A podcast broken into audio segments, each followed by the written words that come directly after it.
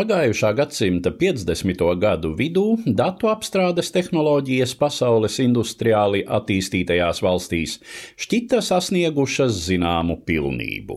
Īpašas mehanizētas ierīces perfokaršu glabātavā ātri atrada attiecīgo kartīti, protams, ar noteikumu, ka tā tur bija ielikta vai atlikta atpakaļ pēc pēdējās lietošanas reizes. Ja mazliet piešāvās un kā nākas sekoja kārtībai perfokaršu kastē, kastēs, informācijas apstrāde gāja kā smērēta. Tomēr jau kopš 1952. gada pulciņš jaunu un daudzsološu kompānijas IBM darbinieku inženiera Reja Džonsona vadībā briedināja revolūciju.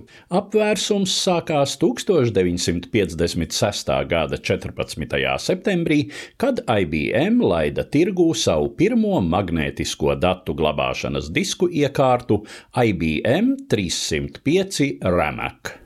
RAMAC ir abreviatūra no Random Access Method of Accounting and Control - izlases pieejas, uzskaites un kontroles metode. Materiālā izpausmē šī metode bija tērauda disks 61 cm diametrā. Tas ir pirmais cietais atmiņas disks, un tā izmērs ļoti iespējams saistīts ar biroja durvju platumu.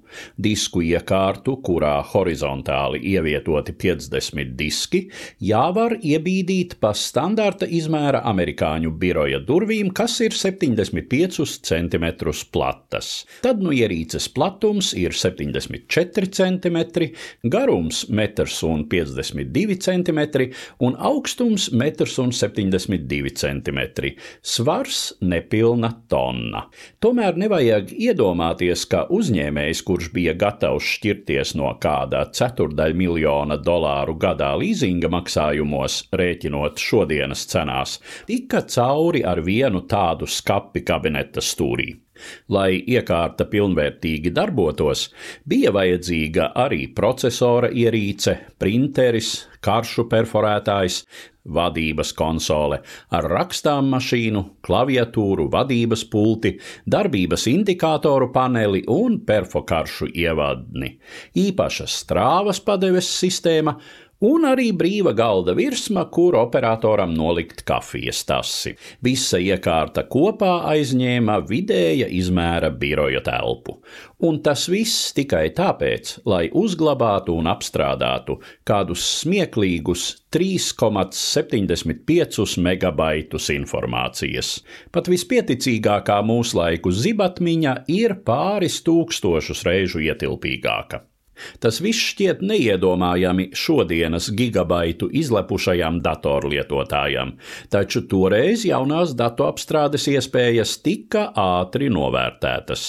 Visi nozīmīgākie skaitļošanas tehnikas ražotāji ķērās pie līdzīgām izstrādnēm. Pieslēdzās arī uzņēmumi, kas līdz tam bija ražojuši cita rakstura tehniku, kā sēnes pēc lietus dīga jaunas firmas.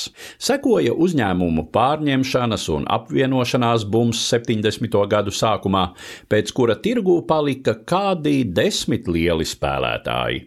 2009. gadā to vairs bija tikai seši, bet mūsdienās ir palikuši trīs - Japāņu daudznozaru konglomerāts Toshiba, amerikāņu datortehnikas ražotājs Western Digital un šobrīd īrijā reģistrētā, bet tāpat Savienotajās valstīs bazētā datu nesēju ražošanas kompānija Seagate Technology.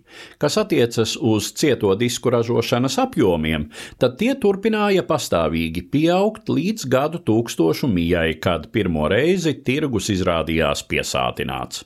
Tāpat ap gadu tūkstošu miju savu apogeju sasniedza disku ietilpības kāpums. Šim parametram ap to laiku dubult dubultojoties ik gadus, taču tehnoloģiski šāds pieauguma temps nav uzturams bezgalīgi, un pēdējā desmitgadē tas bijis vien kādi 10% gadā. 2021. gada sākumā Seagate pirmo reizi laida tirgū 20 terabaitu ietilpības cieto disku. Individuāli lietotam datoram gan šāda apjoma atmiņa nav vajadzīga, un vidusmēra klēpī datora atmiņas apjoms nu jau kādus desmit gadus ir apmēram vienu terabaitu liels. stāstīja Eduards Liniņš.